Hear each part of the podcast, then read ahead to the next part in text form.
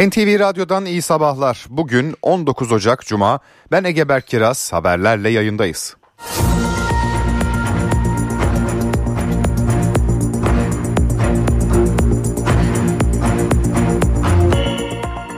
Türkiye'nin ilk astronotu Alper Gezer Avcı'nın uzay yolculuğu başladı. Tarihi uçuş SpaceX'in Falcon 9 roketiyle yapıldı. Yolculuk toplamda 36 saat sürecek. Gezer Avcı uzaydaki ilk konuşmasına Mustafa Kemal Atatürk'ün istikbal göklerdedir sözüyle başladı. Alper Gezer Avcı'yı taşıyan Dragon kapsülü Uluslararası Uzay İstasyonu'na yarın saat 13.15'te kenetlenecek. Türk astronot burada 14 gün boyunca bilimsel araştırmalar yapacak. Cumhurbaşkanı Recep Tayyip Erdoğan partisinin 17'si büyükşehir 48 belediye başkan adayını açıkladı. Ankara'da Keçiören Belediye Başkanı Turgut Altınok, İzmir'de AK Parti Genel Başkan Yardımcısı Hamza Dağ aday gösterildi. AK Parti cumartesi günü İstanbul'un ilçe adaylarını açıklayacak. Seçim beyannamesi ise 30 Ocak'ta kamuoyuyla paylaşılacak. Cumhuriyet Halk Partisi lideri Özgür Özel, Gelecek Partisi Genel Başkanı Ahmet Davutoğlu ile bir araya geldi. İki ismin yerel seçim çalışmalarını ve olası işbirliği senaryolarını ele aldığı belirtiliyor.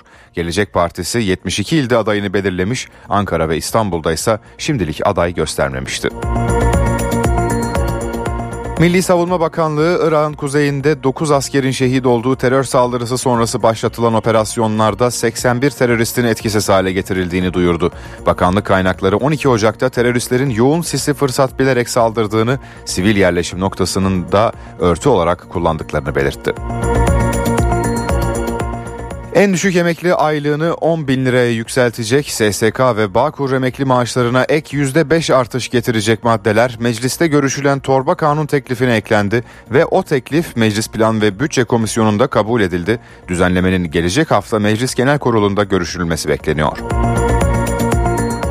İstanbul Ümraniye'de metro çalışmasında meydana gelen göçüğün ardından kullanılmayan iki bina çöktü. Tuzla ve Gazi Osman Paşa'da ise kontrolsüz inşaat çalışmaları nedeniyle hasar gören 3 bina tahliye edildi. Gazeteci Hrant Dink katledilişinin 17. yılında bugün İstanbul'da anılacak. Şişli'de gerçekleşecek olan anma programı 15'te başlayacak. Anma nedeniyle bazı yollar trafiğe kapatılacak. İstanbul Büyükçekmece Belediyesi'ne rüşvet operasyonu düzenlendi. Belediye Başkan Yardımcısı ve imar müdürünün de aralarında olduğu 22 kişi gözaltına alındı. Şüphelilerin polis araçlarına bindirildiği sırada görüntü alan gazetecilere saldıranlar oldu. Arbede yaşandığı Adalet Bakanlığı darbedenlerin gözaltına alındığını duyurdu.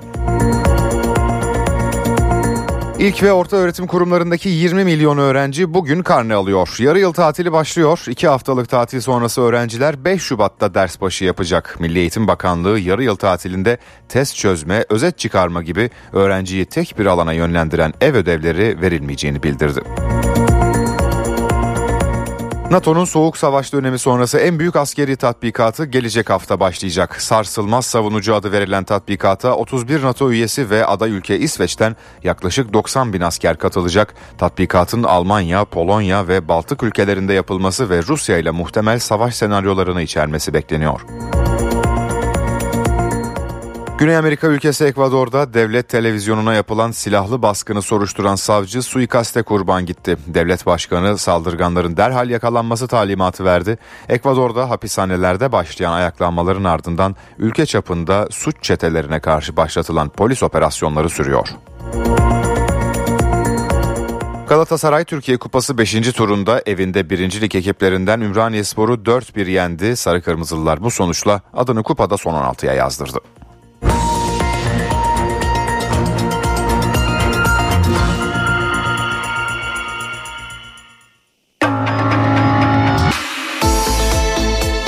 İşe giderken gazetelerin gündemi.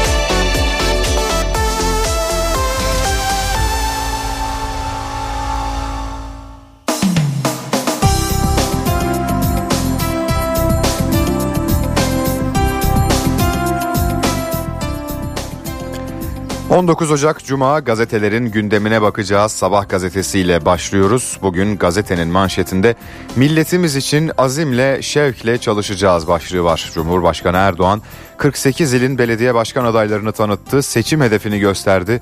Muhalefetin kale olarak gördüğü yerler dahil tüm belediyelerde zafer bizim olacak dedi. AK Parti'nin Ankara Büyükşehir Belediye Başkan adayı Keçiören Belediye Başkanı Turgut Altınok oldu e, ve AK Parti Hamza Dağ İzmir'de Büyükşehir Belediye Başkan adayı olarak gösterdi demiş gazete. Ülkemizin her belediyesini Türkiye yüzyılına yakışır seviyelere getirmenin peşindeyiz. Hedefimiz muhalefetin elindeki şehirlerimizi gerçek belediyecilikle tanıştırmak sözlerini kullandı. Dün Cumhurbaşkanı Recep Tayyip Erdoğan bu haber Sabah gazetesinin manşetinde yer almış.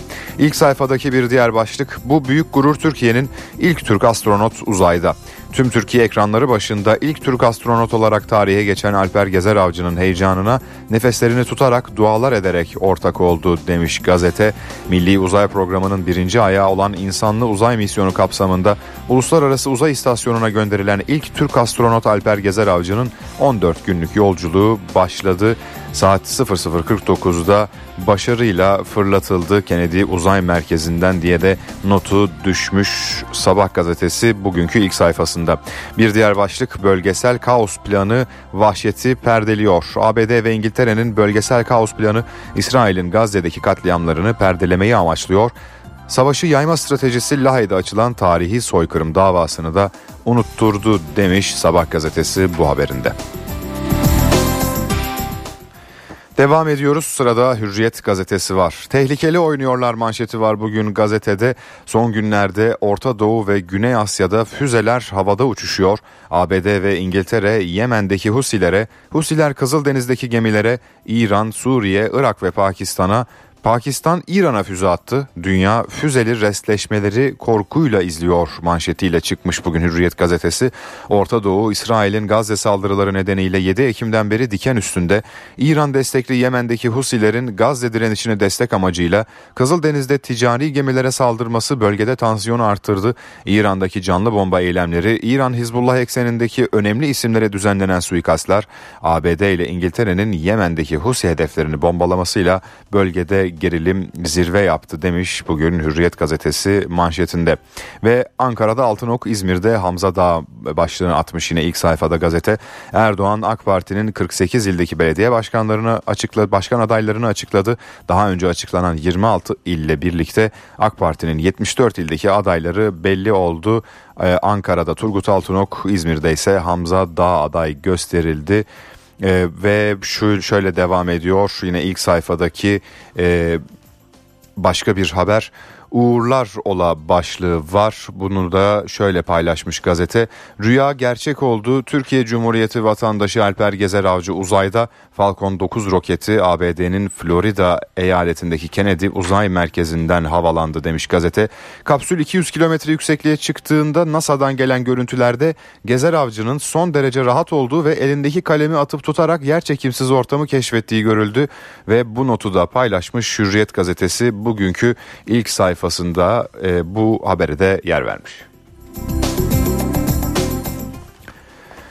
Sırada Milliyet gazetesi var. Milliyet gazetesinde de yine Alper Gezer Avcı'nın uzay yolculuğu manşete taşınmış. Hoş bulduk uzay vatan bir rüya gerçek oldu Türkiye artık uzayda şeklinde bu cümlelerle duyurmuş Milliyet gazetesi. Ve aslında e, bazı detaylar da paylaşmış. Yörüngedeki malikane başlığıyla yine manşet içerisinde yer vermiş. Gezer Avcı'nın yarın kenetleneceği Uluslararası Uzay İstasyonu 6 yatak, yatak odası, 2 banyo, 1 spor salonundan oluşuyor. Beslenir Yenirken sandviç için kırıntı oluşturan ekmek yerine tortilla tercih ediliyor. İdrar işleyici düzeneyi vakumlu damıtma kullanarak idrardan suyu geri kazanıyor demiş gazete bu haberinde. Bir de Alper Gezer Avcı fırlatma töreni için Florida'ya giden ailesiyle vedalaştıktan sonra Dragon kapsülüne bindi. Kendisine el sallayan ailesine sizi yukarıdan arayacağım sözleriyle karşılık verdi. Manşetten paylaşmış bu haberi Milliyet gazetesi. Ee, bir de MHP içinde çalışacağız başlığı var yine yerel seçimlere dair Cumhurbaşkanı Erdoğan'ın dün yaptığı konuşmada. Açık söyleyeyim vatandaş şahsımız dahil hiç kimseye tıpış tıpış oy vermek zorunda değildir. Bilakis biz her bir insanımızı veli nimet görerek kapısını çalmak zorundayız. Partimizin adayları için nasıl gayret gösteriyorsak MHP adaylarını destek, destekleyeceğimiz Manisa, Mersin, Bartın, Erzincan, Kars, Kırklareli, Osmaniye'de de aynı azim, şevk ve samimiyetle çalışacağız dedi Cumhurbaşkanı Erdoğan. Leopar sazanı taşıma suyla yaşama tutulmuş haberi de var Milliyet gazetesinin ilk sayfasında. Nesli tükendiği sanılırken Dicle Nehri'nde keşfedilmesi sonucu Leonardo DiCaprio tarafından sosyal medyada ilan edilen leopar sazanı bilim insanları tarafından birkaç aydır aranıyordu. Balığı bulan Mehmet Ülkü ona leğenle evinin bahçesinde yaptığı havuza taşımış. Bilim insanları gelene kadar balığın oksijensiz kalmaması için havuzun suyunu sürekli tazelemiş demiş Milliyet gazetesi bu haberinde. Yeni Şafak gazetesiyle devam ediyoruz. Gazetenin manşetinde şu başlık var. 31 Mart'ta zafer bizim olacak. 7 Ocak'ta 26 adayı duyuran AK Parti dün de geri kalan 48 il ve Büyükşehir Belediye Başkan adayını açıkladı. Ankara adayı Turgut Altınok, İzmir adayı ise Hamza Dağ oldu. Cumhurbaşkanı Erdoğan Allah'ın izniyle muhalefetin kale olarak gördüğü yerler dahil tüm belediyelerde zafer bizim olacaktır dedi. Yine bu haberde e, Yeni Şafak gazetesinin manşetinden duyurulmuş dünyadan haberler var. Hemen onları da paylaşalım Yeni Şafak'ın ilk sayfasından. Pakistan'dan hızlı misilleme demiş gazete ve haber şöyle devam ediyor. Ceyşul Adl isimli bir örgütü bahane ederek çarşamba günü Pakistan'ı bombalayan İran'a hızlı bir misilleme geldi. Pakistan dün İran'ın 20 kilometre içerisinde Belucistan Kurtuluş Ordusu ve Belucistan Kurtuluş Cephesi'ne füzeli saldırı gerçekleştirdi demiş gazete gazete bugün ilk sayfasındaki bu haberde. Sırada Posta Gazetesi var. Posta Gazetesi'nin manşeti sosyal medyadan alışverişe dikkat tüketicilerin yarısı pişman. Son dönemlerde Instagram, Facebook ve TikTok gibi sosyal medya platformları üzerinden alışveriş yapan iki kişiden biri mağdur oluyor. Sosyal medyadan alışveriş yapanlar en çok sahte ürünlerden dertli. Televizyon sipariş edene bez parçası, telefon sipariş edene salatalık gönderiliyor. Üstelik mağdurlar muhatap da bulamıyor demiş manşetinde bugün Posta Gazetesi. Bir diğer başlık şöyle kendisinin dublörü olduğu ampute milli futbol takımının yıldızı Barış Telli hayatını anlatan filmde kendisini oynayan Taner Ölmez'e dublörlük yaptı. Sporcu bazı sahnelerde Taner Ölmez yerine oynayarak filmin daha gerçekçi olmasına katkı verdi. Film 23 Şubat'ta vizyondan otunu da düşmüş Posta Gazetesi. Son olarak Cumhuriyet gazetesi var. AYM kapısında adalet kuyruğu başlığı var bugün manşetinde gazetenin Anayasa Mahkemesi kamu gücünü kullanan kişi ve kurumların neden olduğu hak ihlallerine ilişkin istatistikleri açıkladı. 23 Eylül 2012'de başlayan bireysel başvuru sayısı 11 yılda 579 bini buldu. Son 2 yıldaki toplam sayı ise 220 bine yaklaştı demiş Cumhuriyet gazetesi bugün manşetinden duyurduğu bu haberde.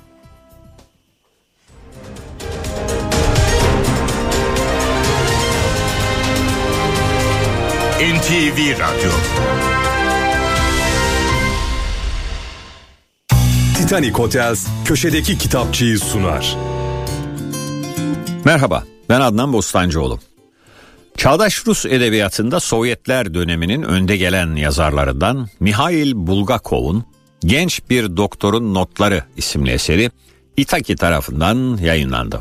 Kitabı dilimize Hazal Yalın çevirmiş. Tam adıyla Mihail Afanasyevich Bulgakov 1891 doğumlu. Kiev'de dünyaya geldi. Tıp fakültesinden mezun oldu ama mesleğine uzun süre devam etmedi. Edebiyata yöneldi. Bulgakov ilk olarak 1924'te bir bürokrasi eleştirisi olan Şeytanname'yi yayımlıyor. Ardından Köpek Kalbini yazıyor ama onu yayınlayamıyor.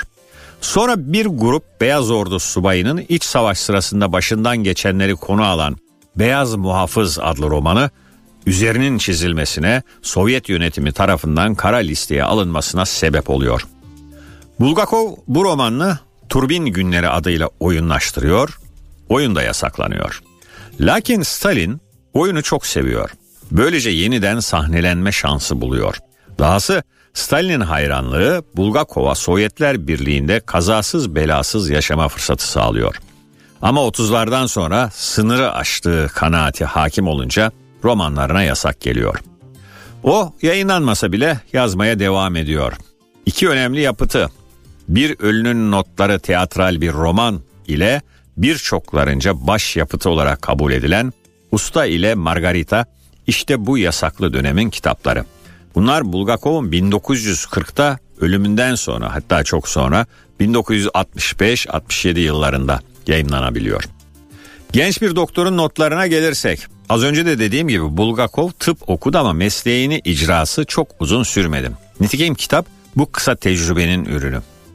25 yaşındaki doktor Mihail Bulgakov çalışmak üzere ne arabanın ne de elektriğin olduğu dondurucu Rus kırsalına gönderilir. Modern çağın gerisinde kalmış, batıl inanışlarına sıkı sıkı sarılmış bölge insanını gördüğünde ülkesinin pek çok sorunuyla da tanışmış olur. Genç bir doktorun notları ülkesine karşı sorumluluklarıyla yüzleştiği ve kendi yeterliliğini sorguladığı bir dönemde yazarın ileriki yıllarda edineceği çarpıcı gerçekçiliğin de ilk tohumlarını taşır. Bulgakov'un eşine az rastlanır mizahi üslubuyla kaleme alınmış bu öykü derlemesi, yazarın gözlemlerinden yola çıkarken değişimin eşiğindeki bir topluma dair de epey şey anlatıyor. Herkese iyi okumalar, hoşçakalın. Titanic Hotels köşedeki kitapçıyı sundu.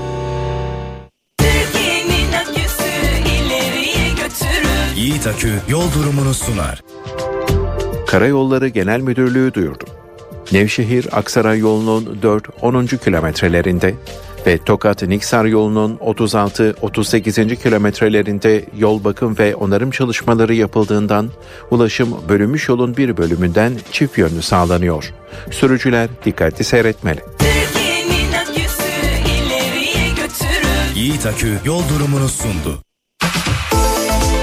NTV Radyo, Türkiye'nin haber radyosu.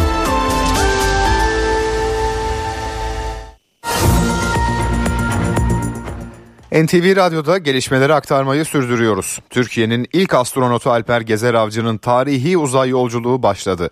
Tarihi uçuş SpaceX'in Falcon 9 roketiyle yapıldı.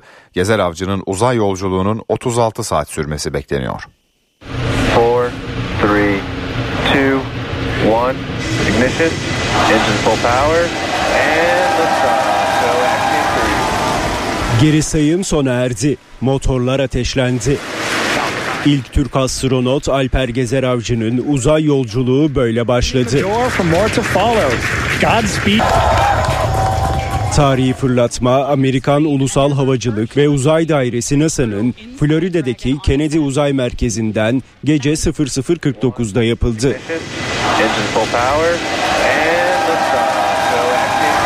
4 kişilik mürettebatı taşıyan Dragon kapsülü fırlatmadan 7 dakika sonra SpaceX'e ait Falcon 9 roketinden ayrıldı. İlk aşama motoru olarak kullanılan Falcon 9 roketi yaklaşık 8 dakika sonra tekrar yere iniş yaptı. Dragon kapsülünün sürati yaklaşık 10 dakikalık uçuşun ardından saatte 27 bin kilometre hıza sabitlendi. Copy one Bravo. Mürettebatı taşıyan kapsülün yarın saat 13.15'te Uluslararası Uzay İstasyonu'na kenetlenmesi planlandı. Aksiyon 3 görevi tamamı Avrupalılardan oluşan ilk uçuş oldu. Uluslararası Uzay İstasyonu'na giden Gezer Avcı'ya İspanyol asıllı Michael Lopez Alegria, İtalyan Walter Villadey ve İsveç vatandaşı Marcus Vante eşlik etti. Astronotlar Uluslararası Uzay İstasyonu'nda 14 gün kalacak. İstasyonda da 3 Rus kozmonot, ikisi Amerikalı, biri Danimarkalı, biri de Japon olmak üzere toplam 7 kişilik ekip var. Gezer Avcı ve beraberindeki astronotlar istasyona ulaştığında bu sayı 11'e yükselecek. Alper Gezer Avcı Uluslararası Uzay İstasyonu'nda 13 deney yapacak. Gezer Avcı'nın yapacağı bilimsel çalışmalar TÜBİTAK ve Türkiye Uzay Ajansı tarafından belirlendi. Aksiyon 3 görevi için fırlatma tarihi daha önce çarşambayı perşembeye bağlayan gece 01.11'de planlanmıştı. Ancak araçtaki verilerin toplanması ve son kontrollerin tamamlanması için bir gün ertelenmişti. İlk Türk uzay yolcusunun Uluslararası Uzay İstasyonu'na gönderilmesi sonrası Cumhurbaşkanı Recep Tayyip Erdoğan bir video mesaj yayımladı. Hep birlikte tarihi bir ana şahitlik ediyoruz. Ortak gururumuzun zirveye yükseldiği zamanlardan birini yaşıyoruz. Cumhuriyetimizin ikinci asrına, Türkiye yüzyılına ilk kez gerçekleştirdiğimiz insanlı uzay göreviyle adım atıyoruz. Cumhurbaşkanı Recep Tayyip Erdoğan ilk Türk uzay yolcusu Alper Gezer Avcı'nın uluslararası uzay istasyonuna yolculuğu öncesi bir video mesaj yayımladı. Bilim tarihine eşsiz katkılar sunmuş bir medeniyetin varisleri olarak tarihte taşıdığımız misyonu yeniden icra etmek adına çok değerli yeni bir başlangıç yapıyoruz. Gözlerindeki parıltıyla ufka bakan gençlerimize, hayalleri dünyaya sığmayan çocuklarımıza ilham kaynağı olmak adına ilk kez bir vatandaşımızı uzaya gönderiyoruz. Milli Uzay Programı kapsamında bir hedefin gerçeğe dönüştürüldüğünü de vurgulayan Erdoğan, Alper Gezer Avcı'nın uluslararası uzay istasyonunda gerçekleştireceği göreve de değindi. Uluslararası Uzay İstasyonu'nda 14 gün boyunca sürecek Türk Uzay Bilimi misyonu kapsamında bilim insanlarımızın hazırlıklarını yaptığı 13 deney gerçekleştirilecek.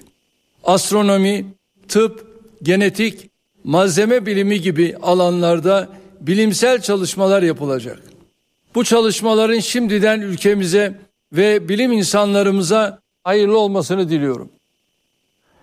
Uzay yolculuğu Türkiye'nin dört bir yanında heyecanla takip edildi. Binlerce vatandaş meydanlarda kurulan dev ekranlardan tarihi yolculuğu izledi.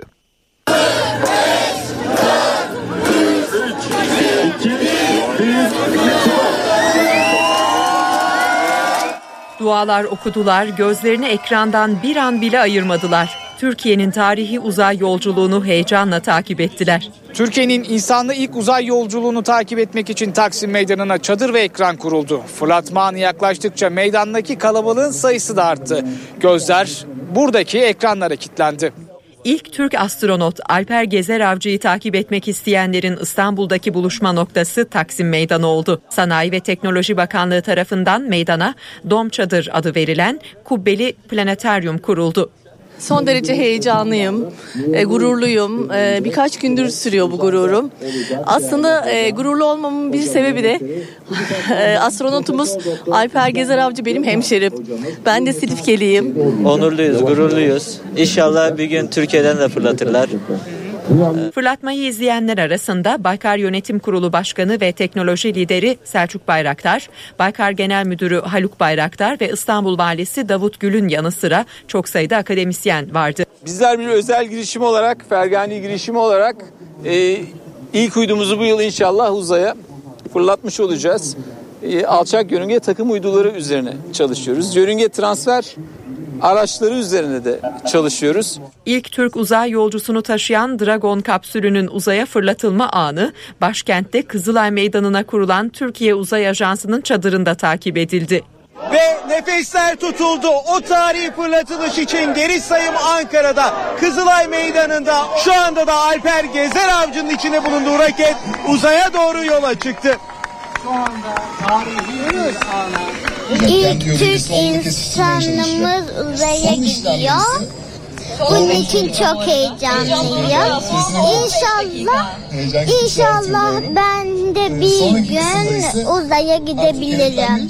Vatandaşlarla birlikte o anlara eşlik edenler arasında Aselsan Genel Müdürü Ahmet Akyol'la Roketsan Genel Müdürü Murat İkinci de vardı.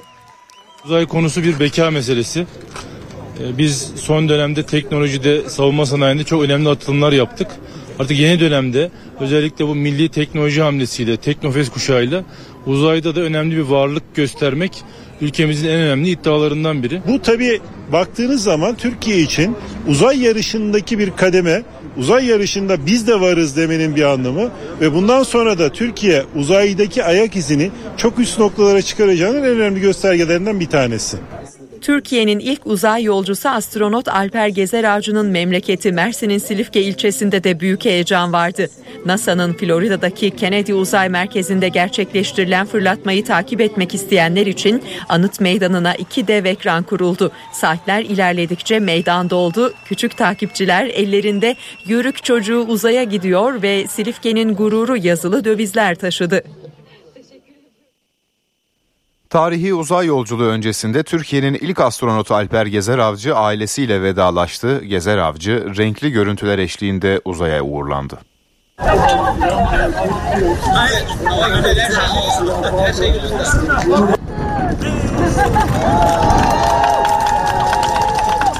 Aileler fırlatma rampası yakınlarında toplandı. Astronotlar bölgeye helikopterle geldi. Türkiye'nin ilk astronotu Havacı Albay Alper Gezer Avcı büyük bir sevgi gösterisiyle karşılaştı. Helikopterden birer birer inen astronotlar hep birlikte poz verdi. Ardından aileleri selamladı.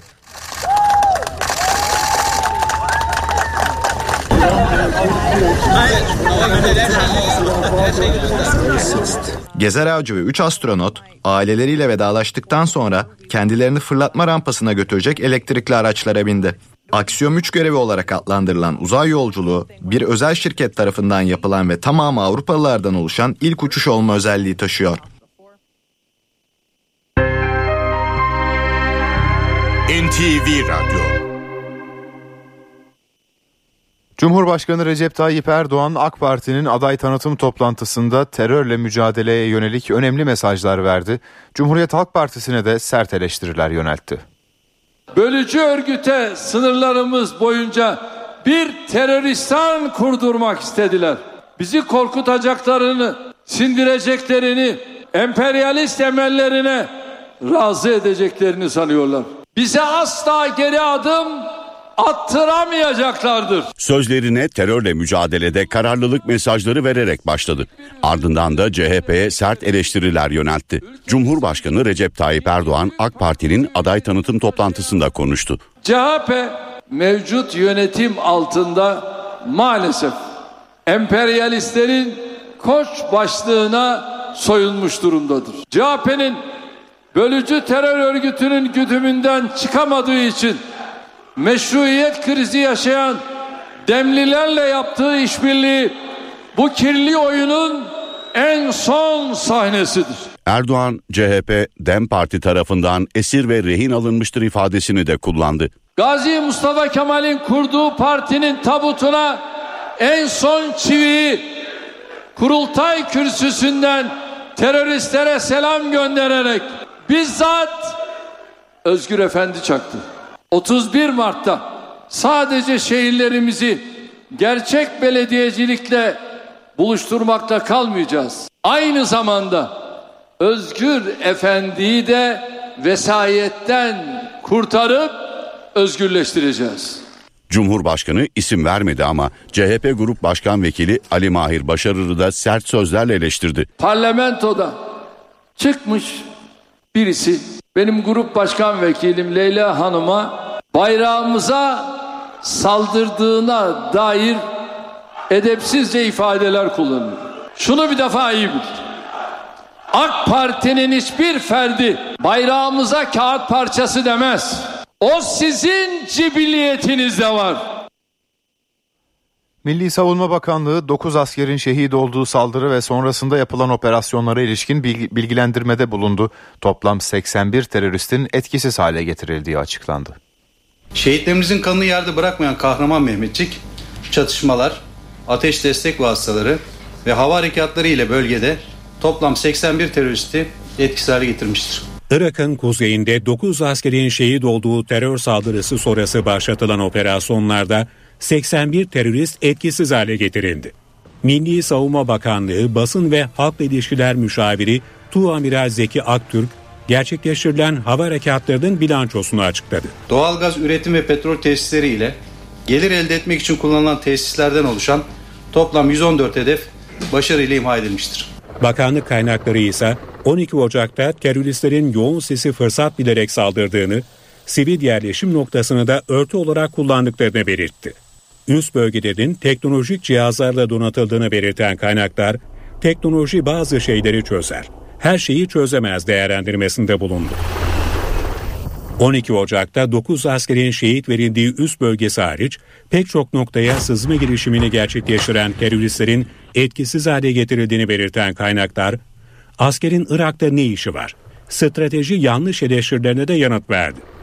Yurt içinden şehit haberinin gelmemesinin ve saldırı düzenlenmemesinin terörü kaynağında yok etme stratejisinin başarısını gösterdiğini belirtti.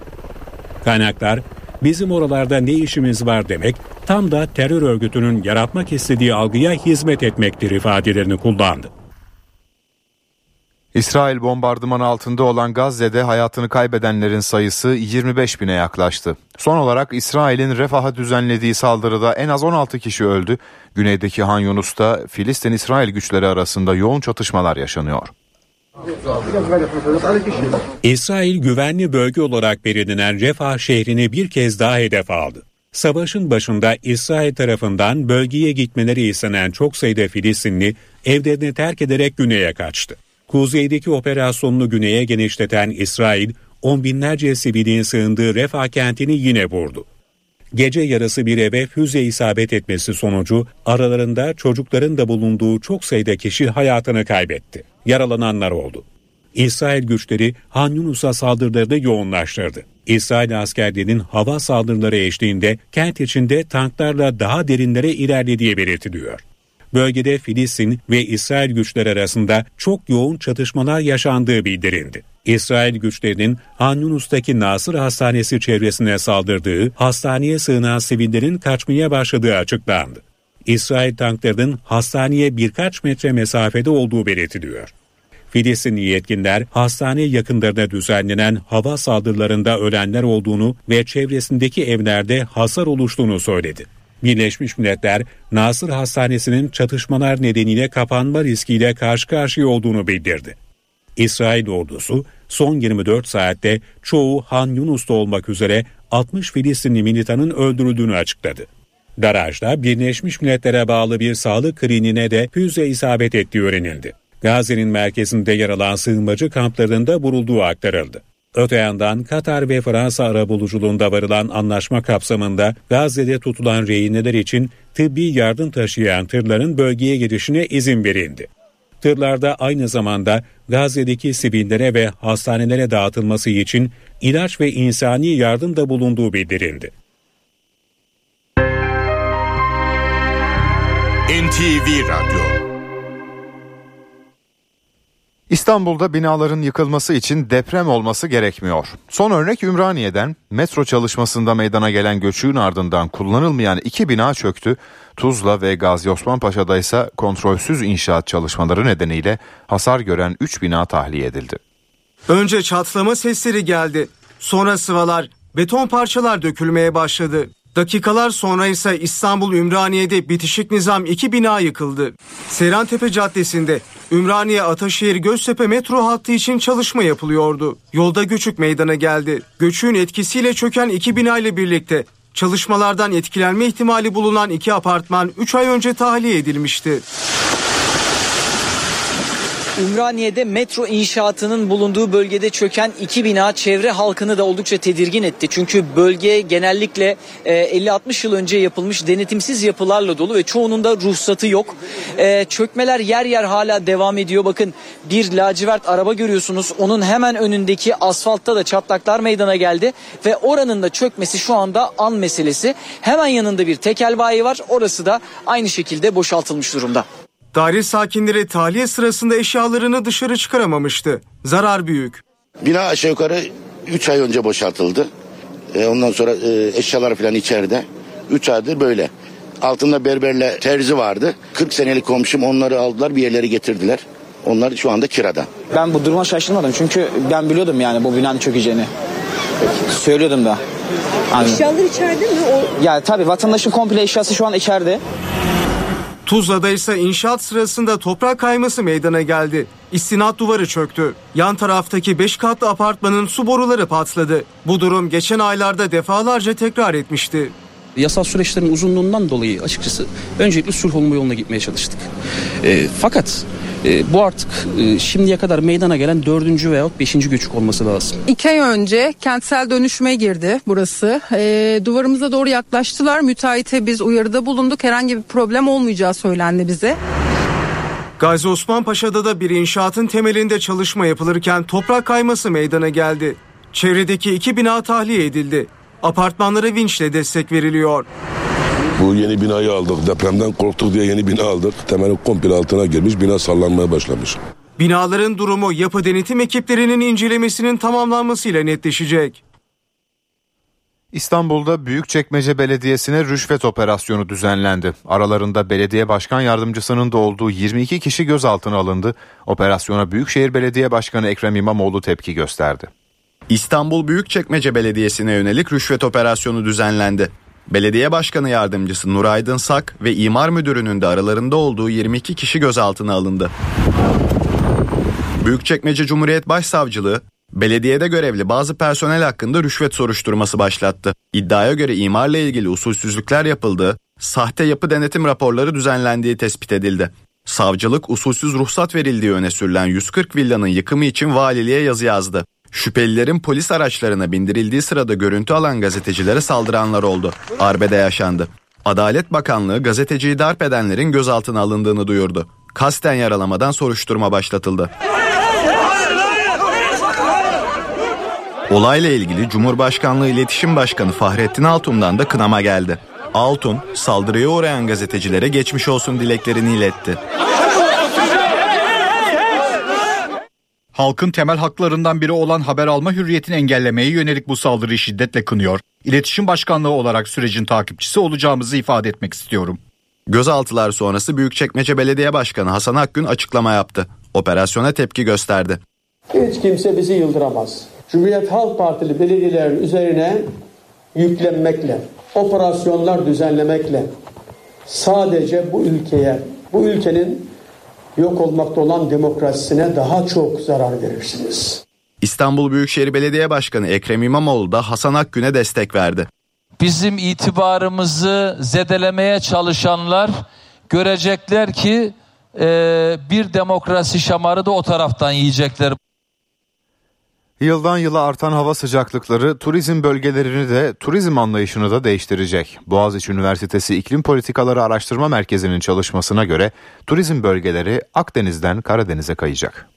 2023 yılı resmi kayıtlarına göre şimdiye kadar yaşanan en sıcak yıl oldu. Boğaziçi Üniversitesi İklim Politikaları Araştırma Merkezi araştırmacıları iklim değişikliğinin 2026 ile 2050 yılları arasında Türkiye'de yaz turizmini nasıl etkileyeceği üzerine bir çalışma yaptı. Buna göre yaz turizmi 15-20 yıl içinde Akdeniz'den Karadeniz'e kayacak. Yavaş yavaş güneyden kuzeye doğru bir sıcaklık artışı hissediyor olacağız. Türkiye'nin güney kesimi Antalya, Adana, Hatay, Bugün Mısır'ın kuzeyi yani işte İskenderiye, Kahire ve Irak'ın güneyi yani Basra gibi bir yerin iklimine sahip olacak. Araştırmaya göre turizm sezonu ve bölgeleri değişecek. Ana turizm sezonu e, Haziran, Temmuz, Ağustos ayları. Bu yüzyılda zaman ilerledikçe Türkiye'nin alıştığımız turizm güneyinde yani Ege'nin güneyi, Antalya, Alanya bu bölgede artık turizm yapmak yaz ayları için oldukça zorlaşmaya başlayacak. Bu iki aylık turizm sezonu Karadeniz kıyısında 4 aya çıkacak. Meteorolojinin verilerine göre de 2023'te son 53 yılın en sıcak Aralık ayı yaşandı.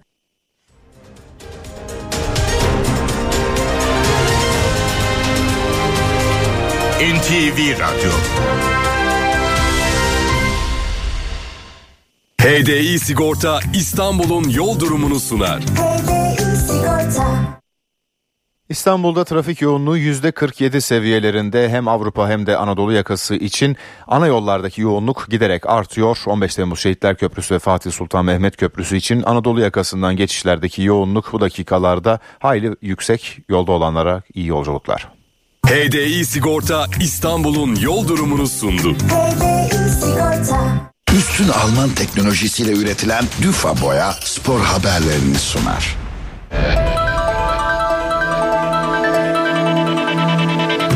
Beşiktaş ve Fenerbahçe'nin ardından Galatasaray'da Zira Türkiye Kupası'nda son 16 turuna yükseldi. Sarı Kırmızılılar 5. tur maçında konuk ettiği Ümraniye Sporu 4-1'lik skorla eledi. Galatasaray Zira Türkiye Kupası'nda farklı galibiyetle turladı. Güzel bir galibiyet oldu. Tabii Türkiye Kupası bizim için çok önemli, değerli bir kupa. En çok kazanan takımız. Hedefimiz tekrar bu kupayı kazanmak. Sarı Kırmızılılar 5. turda konuk ettiği Trendyol birincilik ekibi Ümraniye Sporu 4-1 yenerek son 16 turuna yükseldi. Maça sağ bek olarak başlayan Barış Alper Yılmaz 23. dakikada kendi kalesine attığı golle konuk ekibi öne geçirdi. 10 dakika sonra bu kez takımı adına ağları sarsan Barış Alper skoru eşitledi. Tete ile 2-1 bulan Galatasaray Abdülkerim Bardakçı ile fark 2'ye çıkardı. 87. dakikada penaltı vuruşundan Halil Dervişoğlu maçın sonucunu tayin etti. Kerem Demirbay 3 asistle yıldızlaştı. Galatasaray Teknik Direktörü Okan Buruk kadrolarındaki eksik futbolcu sayısının azalmasından memnun olduklarını dile getirdi. En önemli şey bizim için sakatlıksız bir maç oldu. Bu anlamda mutluyuz. Davinson tekrar döndü uzun aradan sonra. E, o önemliydi. Planlamamız da bu şekildeydi. E, şu anda Icardi de döndü biliyorsunuz. E, o da bu sabah ilk antrenmanına çıktı. Sadece Sergio Oliveira sakat olarak takımımızda e, devam ediyor. Buruk sol bek transfer etmek istediklerini de açıkladı. Sol bek mevkiine bir oyuncu takviyesi yapacağız. Bu yerli de olabilir, yabancı da olabilir. İkisi de olabilir. E, ama şu an net olarak e, sona yaklaştığımız bir şey yok. Ama belirlediğimiz, istediğimiz, görüştüğümüz ve düşündüğümüz oyuncular var. Futbolda Zira Türkiye Kupası'ndan sonra Süper Lig dev bir maçla devam edecek.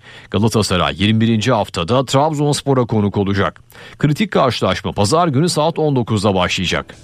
Trabzonspor da Ziraat Türkiye Kupası'nda yoluna devam ediyor. Karadeniz ekibi Manisa Futbol Kulübü'nü 3-1 yenerek son 16 turuna yükseldi. Karşılaşmada milli futbolcu Enis Destan 2 gol 1 asistle yıldızlaştı. Trabzonspor'un diğer golünü Funtas atarken Manisa'da ise Korenica ağları sarstı. Trabzonspor Teknik Direktörü Abdullah Avcı karşılaşma sonrasında eksiklere dikkat çekti.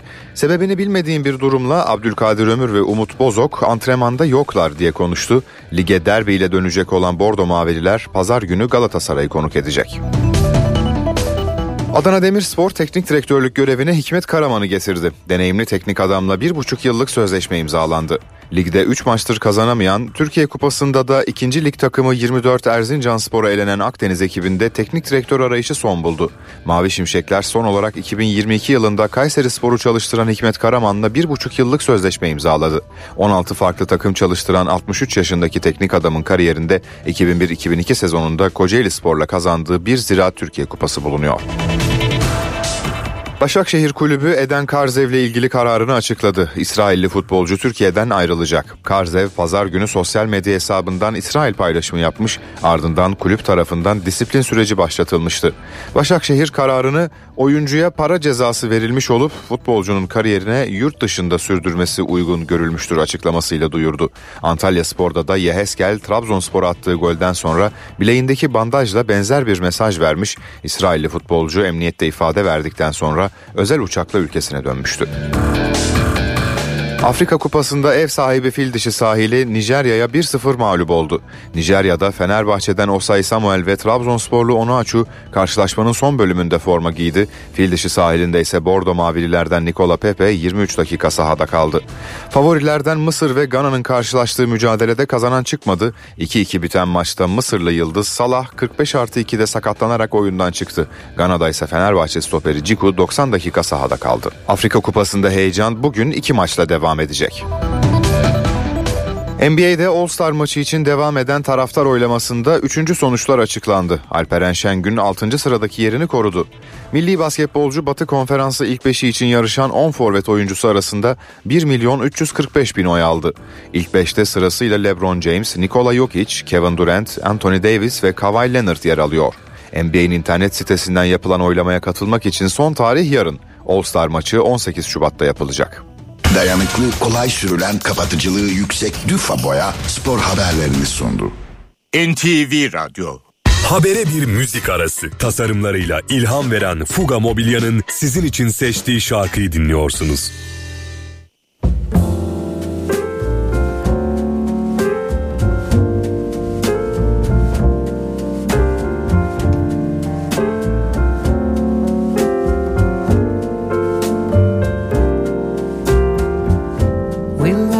To chat about the dresses we will wear tonight. We chew the fat about our dresses and the neighbors fight.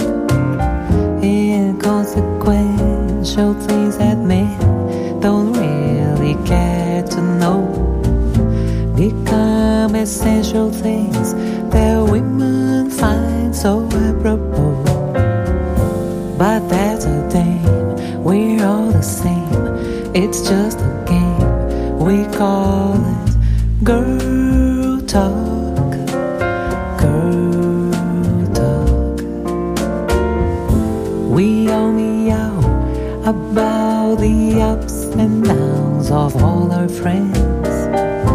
The who, the how, the why we dish the dirt it never ends. The weaker sex, the speaker more. Fuga Mobilya'nın seçtiği şarkıyı dinlediniz. NTV Radyo'da haberlerle yayındayız. Türkiye ve dünya gündeminde bu saate kadar neler yaşandığına haber turuyla bakacağız. Türkiye'nin ilk astronotu Alper Gezer Avcı'nın uzay yolculuğu başladı. Tarihi uçuş SpaceX'in Falcon 9 roketiyle yapıldı. Yolculuk toplamda 36 saat sürecek. Gezer Avcı uzaydaki ilk konuşmasına Mustafa Kemal Atatürk'ün istikbal göklerdedir sözüyle başladı. Alper Gezer Avcı'yı taşıyan Dragon kapsülü Uluslararası Uzay İstasyonu'na yarın saat 13.15'te kenetlenecek. Türk astronot burada 14 gün boyunca bilimsel araştırmalar yapacak. Cumhurbaşkanı Recep Tayyip Erdoğan partisinin 17'si büyükşehir 48 belediye başkan adayını açıkladı. Ankara'da Keçiören Belediye Başkanı Turgut Altınok, İzmir'de AK Parti Genel Başkan Yardımcısı Hamza Dağ aday gösterildi. AK Parti cumartesi günü İstanbul'un ilçe adaylarını açıklayacak, seçim beyannamesi ise 30 Ocak'ta kamuoyuyla paylaşacak. Cumhuriyet Halk Partisi lideri Özgür Özel, Gelecek Partisi Genel Başkanı Ahmet Davutoğlu ile bir araya geldi. İki ismin yerel seçim çalışmalarını ve olası işbirliği senaryolarını ele aldığı belirtiliyor. Gelecek Partisi 72 ilde adayını belirlemiş, Ankara ve İstanbul'da ise şimdilik aday göstermemişti. Milli Savunma Bakanlığı Irak'ın kuzeyinde 9 askerin şehit olduğu terör saldırısı sonrası başlatılan operasyonlarda 81 teröristin etkisiz hale getirildiğini duyurdu. Bakanlık kaynakları 12 Ocak'ta teröristlerin yoğun sisi fırsat bilerek saldırdığını, sivil yerleşim noktasını da örtü olarak kullandıklarını belirtti. En düşük emekli aylığını 10 bin liraya yükseltecek, SSK ve Bağkur emekli maaşlarına ek %5 artış getirecek maddeler mecliste görüşülen torba kanun teklifine eklendi. Ve o teklif Meclis Plan Bütçe Komisyonu'nda kabul edildi. Düzenlemenin gelecek hafta Meclis Genel Kurulu'nda görüşülmesi bekleniyor. İstanbul Ümraniye'de metro çalışmasında meydana gelen göçüğün ardından kullanılmayan iki bina çöktü. Tuzla ve Gazi Osman Paşa'da ise kontrolsüz inşaat çalışmaları nedeniyle hasar gören 3 bina tahliye edildi. Gazeteci Hrant Dink katledilişinin 17. yılında bugün İstanbul'da anılacak. Şişli'de gerçekleşecek anma programı 15'te başlayacak. Anma nedeniyle bazı yollar trafiğe kapatılacak. İstanbul Büyükçekmece Belediyesi'ne rüşvet operasyonu düzenlendi. Belediye Başkan Yardımcısı ve İmar Müdürü'nün de aralarında olduğu 22 kişi gözaltına alındı. Şüphelilerin polis araçlarına bindirildiği sırada görüntü alan gazetecilere saldıranlar oldu. Arbede yaşandı. Adalet Bakanlığı darbedenlerin gözaltına alındığını duyurdu. İlk ve orta öğretim kurumlarındaki yaklaşık 20 milyon öğrenci bugün karne alıyor. Yarı yıl tatili başlıyor. İki haftalık tatil sonrası öğrenciler 5 Şubat'ta ders başı yapacak. Milli Eğitim Bakanlığı yarı yıl tatilinde test çözme, özet çıkarma gibi öğrenciyi tek bir alana yönlendiren ev ödevleri verilmeyeceğini bildirdi. NATO'nun soğuk savaş dönemi sonrası en büyük askeri tatbikatı gelecek hafta başlayacak. Sarsılmaz savunucu adı verilen tatbikata 31 NATO üyesi ve aday ülke İsveç'ten yaklaşık 90 bin asker katılacak. Tatbikatın Almanya, Polonya ve Baltık ülkelerinde yapılması ve Rusya ile muhtemel savaş senaryolarını içermesi bekleniyor. Güney Amerika ülkesi Ekvador'da devlet televizyonuna yapılan silahlı baskını soruşturan savcı suikaste kurban gitti. Ekvador'da hapishanelerde başlayan ayaklanmaların ardından ülke çapında suç çetelerine karşı başlatılan polis operasyonları sürüyor. Galatasaray Türkiye Kupası 5. turunda evinde birincilik ekiplerinden Ümraniye Sporu 4-1 yendi. Sarı Kırmızılılar bu sonuçla adını kupada son 16'ya yazdırdı.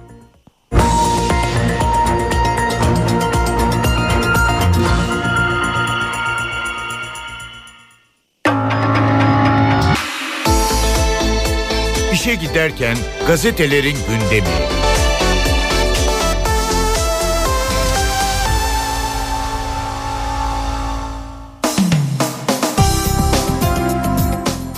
19 Ocak Cuma gazetelerin gündemine bakacağız. Önce Sabah gazetesi var. Milletimiz için azimle, şevkle çalışacağız manşetiyle çıkmış bugün Sabah gazetesi. Cumhurbaşkanı Erdoğan 48 ilin belediye başkan adaylarını tanıttı. Seçim hedefini gösterdi. Muhalefetin kale olarak gördüğü yerler dahil tüm belediyelerde zafer bizim olacak dedi Cumhurbaşkanı Erdoğan. AK Parti'nin Ankara Büyükşehir Belediye Başkan adayı Keçiören Belediye Başkanı Turgut Altınok oldu. AK Parti Hamza Dağ İzmir Büyükşehir Belediye Başkan adayı olarak gösterdi demiş gazete. Ülkemizin her belediyesini Türkiye yüzyılına yakışır seviyelere getirmenin peşindeyiz. Hedefimiz muhalefetin elindeki şehirlerimizi gerçek belediyecilikle tanıştırmak dedi Cumhurbaşkanı Erdoğan. Bu sözler manşette yer almış. Bize oy versin vermesin tüm vatandaşımızı kucaklamak zorundayız. Hiç kimse hiç kimseye tıpış tıpış oy vermek zorunda değil, kapı kapı dolaşıp sıkmadık el bırakmayacağız dedi. Erdoğan ve vatandaşa oy yoksa hizmet de yok diyen edepsizlerden değiliz. Milletimizin karşısına vizyon ve projelerle çıktık. Azim, sevk ve samimiyetle çalışacağız. Bu haber Sabah gazetesinin birinci sayfasında manşetten duyurulmuş. Yine ilk sayfada bir başka haber. İlk Türk astronot uzayda bu büyük gurur Türkiye'nin demiş gazete. Tüm Türkiye ekranları başında ilk Türk astronot olarak tarihe geçen Alper Gezer Avcı'nın heyecanına nefeslerini tutarak dualar ederek ortak oldu. Milli Uzay Programı'nın birinci ayağı olan insanlı uzay misyonu kapsamında Uluslararası Uzay İstasyonu'na gönderilen ilk Türk astronot Alper Gezer Avcı'nın 14 günlük yolculuğu başladı. Gezer Avcı ile birlikte 4 astronotu taşıyan SpaceX'e ait Dragon uzay kapsülü Falcon 9 roketiyle NASA'nın Florida'daki Kennedy Uzay Merkezi'nden Türkiye saatiyle 00.49'da başarıyla fırlatıldı demiş Sabah gazetesi bugün ilk sayfasındaki bu haberde. Çocuklarınıza tatil döneminde vakit ayırın haberi var ayrıca. Milyonlarca öğrenci bugün yarı yıl tatiline giriyor. Velilere seslenen Milli Eğitim Bakanı Tekin, onların ilgi alanlarına ortak olun, birlikte yeni şeyler keşfedin ve dünyayı beraber öğrenin mesajını verdi. Sabah gazetesinde ilk sayfada yer alan bir diğer haber bu şekilde. Sırada Hürriyet gazetesi var. Hürriyet gazetesinin manşetinde tehlikeli oynuyorlar başlığını görüyoruz bugün. Son günlerde Orta Doğu ve Güney Asya'da füzeler havada uçuşuyor. Amerika Birleşik Devletleri ve İngiltere Yemen'deki Husilere, Husiler Kızıldeniz'deki gemilere, İran, Suriye, Irak ve Pakistan'a, Pakistan İran'a füze attı. Dünya füzeli restleşmeleri korkuyla izliyor demiş Hürriyet gazetesi manşetinde bugün. Orta Doğu, İsrail'in Gazze saldırıları nedeniyle 7 Ekim'den beri diken üstünde. İran destekli Yemen'deki Husilerin Gazze direnişine destek amacıyla Kızıldeniz'de ticari gemilere saldırması bölgede tansiyonu arttırdı. İran'daki canlı bomba eylemleri, İran Hizbullah eksenindeki önemli isimlere düzenlenen suikastler, Amerika ile İngiltere'nin Yemen'deki Husi hedeflerini bombalamasıyla bölgede gerilim zirve yaptı. Notunu da düşmüş Hürriyet gazetesi. Ve yine Alper Gezer Avcı'nın Uzay yolculuğu bugün ilk sayfada yer bulmuş kendini Hürriyet gazetesinde ve şu başlık atılmış uğurlar ola. Rüya gerçek oldu. Türkiye Cumhuriyeti vatandaşı Alper Gezer Avcı uzayda Falcon 9 roketi ABD'nin Florida eyaletindeki Kennedy Uzay Merkezi'nden havalandı demiş ve şu bilgiyi de paylaşmış. Kapsül 200 kilometre yüksekliğe çıktığında NASA'dan gelen görüntülerde Gezer Avcı'nın son derece rahat olduğu ve elindeki kalemi atıp tutarak yer çekimsiz ortamı keşfettiği görüldü demiş. Hürriyet gazetesi bugün birinci sayfasındaki bu haberde. Milliyet gazetesinin manşetinde de yine hoş bulduk uzay vatan başlığını görüyoruz. Bugün Türkiye'nin ilk astronotu Alper Gezer Avcı'yı taşıyan Dragon kapsülü gece 00.49'da fırlatıldı demiş gazete ve yine birkaç bilgi paylaşmış. Nefesimizi tutarak izledik demiş Milliyet gazetesi. İstanbul, Ankara ve İzmir başta olmak üzere meydanları dolduran vatandaşlar tarihi yolculuğu büyük bir heyecan içinde izledi. Evlerde vatandaşlar ekrana kilitlenirken uçuş anı sosyal medyada izlenme rekoru kırdı denmiş. Alper Gezer Avcı fırlatma töreni için Florida'ya giden ailesiyle vedalaştıktan sonra Dragon kapsülüne bindi. Kendisine el sallayan ailesine sizi yukarıdan arayacağım sözleriyle karşılık verdi. Bir de yine aynı haber içerisinde yörüngedeki malikane başlığını görüyoruz. Gezer Avcı'nın yarın kenetleneceği Uluslararası Uzay İstasyonu 6 yatak, yatak odası, 2 banyo, bir spor salonundan oluşuyor. Beslenirken sandviç için kırıntı oluşturan ekmek yerine tortilla tercih ediliyor. İdrar işleyici düzeneği vakumlu damıtma kullanarak idrardan suyu geri kazanıyor gibi bu e, önemli notu da manşet içerisinde paylaşmış Milliyet gazetesi. Yerel seçimlere dair başlıklar da var yine gazetede. Ankara Altınok İzmir Dağ başlığını atmış Milliyet gazetesi. Cumhurbaşkanı Erdoğan AK Parti'nin 17'si büyükşehir 48 belediye başkan adayını daha açıkladı. Ankara'da Keçiören Belediye Başkanı Turgut Altınok, İzmir'de ise AK Parti Genel Başkan Yardımcısı Hamza Dağ aday gösterildi. Adana'da Fatih Mehmet Koca İspirli, Antalya'da Hakan Tütüncü, Hatay'da da Mehmet Öntürk AK Parti'nin büyükşehir adayları oldu. oldu. Malatya, Sakarya, Trabzon ve Maraş'la Ağrı ve Afyon'da yeni isimleri belediye başkan adayı olarak gösteren AK Parti'de 16 ilde ise mevcut isimlerle yola devam kararı alındı. AK Parti MHP ile uzun süredir yürüttüğü seçim ittifakı kapsamında Mersin, Manisa, Bartın, Erzincan, Kars, Kırklareli ve Osmaniye'de aday çıkarmadı demiş Milliyet gazetesi. Sevgilisini Uzi ile vurdu haberini de görüyoruz ilk sayfada İstanbul Bayrampaşa'da Eliske önceki akşam sevgilisi Nazlı Elmas'ı suikast silahı olarak bilinen Uzi ile dört yerinden vurdu demiş Milliyet gazetesi bu haberde. Yaralanan genç kadının hayati tehlikesinin devam ettiği öğrenildi. Eliske'nin polise verdiği ifadede sevgilisini şakalaşırken vurduğunu söylediği belirtildi. Bu haberde Milliyet gazetesinin ilk sayfasında yer alan bir başka başlık. Leopar sazanı taşıma suyla yaşama tutulmuş haberini görüyoruz. Bu haberin e, yine gazetenin ilk e, sayfasında en altta paylaşılmış bu haber. Nesli tükendiği sanılırken Dicle Nehri'nde keşfedilmesi oyuncu Leonardo DiCaprio tarafından sosyal medyada ilan edilen leopar sazanı bilim insanları tarafından birkaç aydır aranıyordu. Balığı bulan Mehmet Ülkü onu leğenle evinin bahçesinde yaptığı havuza taşımış. Bilim insanları gelene kadar balığın oksijensiz kalmaması için havuzun suyunu sürekli tazelemiş demiş. Bu haberi de yine ilk sayfadan duyurmuş Milliyet gazetesi. Sırada Yeni Şafak gazetesi var. Gazetenin manşetinde 31 Mart'ta zafer bizim olacak başlığını görüyoruz. 7 Ocak'ta 26 adayı duyuran AK Parti dün de geri kalan 48 il ve Büyükşehir Belediye Başkan adayını açıkladı. Ankara adayı Turgut Altınok, İzmir adayı ise Hamza Dağ oldu. Cumhurbaşkanı Erdoğan Allah'ın izniyle muhalefetin kale olarak gördüğü yerler dahil tüm belediyelerde zafer bizim olacaktır dedi. Erdoğan Ato Sergi ve Konferans Merkezi'nde tek tek tanıttığı adaylardan herkesten çok çalışmalarını istedi. Sokakta, çarşıda, pazarda varlık göstermeden siyaset yapılmaz. Mahalli idarelerde asıl yük belediye başkan adayımızın omzundadır. Adaylarımız herkesten daha fazla çalışmakla, daha fazla koşturmakla, daha fazla yorulmakla, emek vermekle mesul ve mükelleftir dedi. Cumhurbaşkanı Erdoğan bugün e, dün e, partinin e, yerel seçim için aday tanıtım toplantısında bu ifadeleri kullandı. Cumhurbaşkanı Erdoğan dünyadan bazı başlıklar da var. Pakistan'dan hızlı misilleme 1988'den sonra ilk yaşandı demiş gazete. Ceyşul Adl isimli bir örgütü bahane ederek çarşamba günü Pakistan'ı bombalayan İran'a hızlı bir misilleme geldi. Pakistan dün İran'ın 20 kilometre içerisinde Belucistan Kurtuluş Ordusu ve Belucistan Kurtuluş Cephesi'ne füzeli saldırı gerçekleşti, gerçekleştirdi. 1988'deki Irak Savaşı'ndan sonra İran topraklarını vuran ilk devlet oldu. Pakistan notunu da paylaşmış Yeni Şafak gazetesi. Yine dünyadan bir başka başlık Hamas'ı bitirmek imkansız. Gazze'deki katliamlara destek veren ABD, İsrail'in Hamas'ı yenemeyeceğini kabullendi. ABD Dışişleri Bakanı Antony Blinken Blinken'ın Türkiye, Katar, Birleşik Arap Emirlikleri, Suudi Arabistan ve Lübnan temaslarında bu görüşünü ifade ettiği belirtiliyor. Blinken, İsrail'in bu gerçeğe göre hareket etmesi gerektiğini söyledi.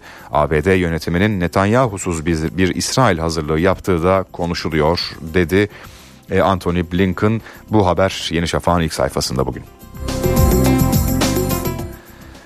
Posta gazetesiyle devam ediyoruz. Gazetenin manşetinde bugün tüketicilerin yarısı pişman sosyal medyadan alışverişe dikkat başlığını görüyoruz. Son dönemlerde Instagram, Facebook ve TikTok gibi sosyal medya platformları üzerinden alışveriş yapan iki kişiden biri mağdur oluyor. Sosyal medyadan alışveriş yapanlar en çok sahte ürünlerden dertli. Televizyon sipariş edene bez parçası, telefon sipariş edene salatalık gönderiliyor. Üstelik mağdurlar muhatap da bulamıyor. Notunu düşmüş bugün Posta Gazetesi e, birinci sayfasında manşetten verdiği bu haberde. Ve bir başka başlık daha paylaşalım. Kendisinin dublörü oldu demiş gazete. Ampute Milli Futbol Takımının yıldızı Barış Telli. Hayatını anlatan filmde kendisini oynayan Taner Ölmez'e dublörlük yaptı. Sporcu bazı sahnelerde Taner Ölmez yerine oynayarak filmin daha gerçekçi olmasına katkı verdi. Film 23 Şubat'ta demiş Posta Gazetesi. Son olarak Cumhuriyet Gazetesi var. AYM kapısında adalet kuyruğu başlığını görüyoruz manşette. Anayasa Mahkemesi kamu gücünü kullanan kişi ve kurumların neden olduğu hak ihlallerine ilişkin istatistikleri açıkladı.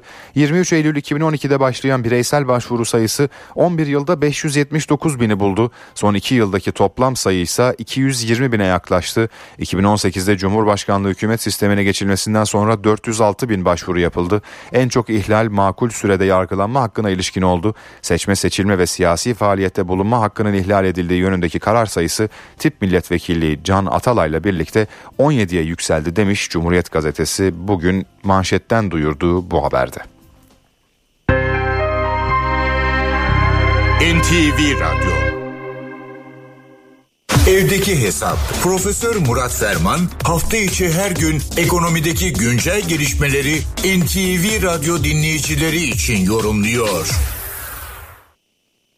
Günaydın Sayın Ferman. Bugünkü notlarınız nedir? Ege Bey günaydın. İyi bir gün, iyi yayınlar diliyorum. Satın alma gücü paritesi iktisatta kullanılan, sıklıkla referans verilen bir kavram.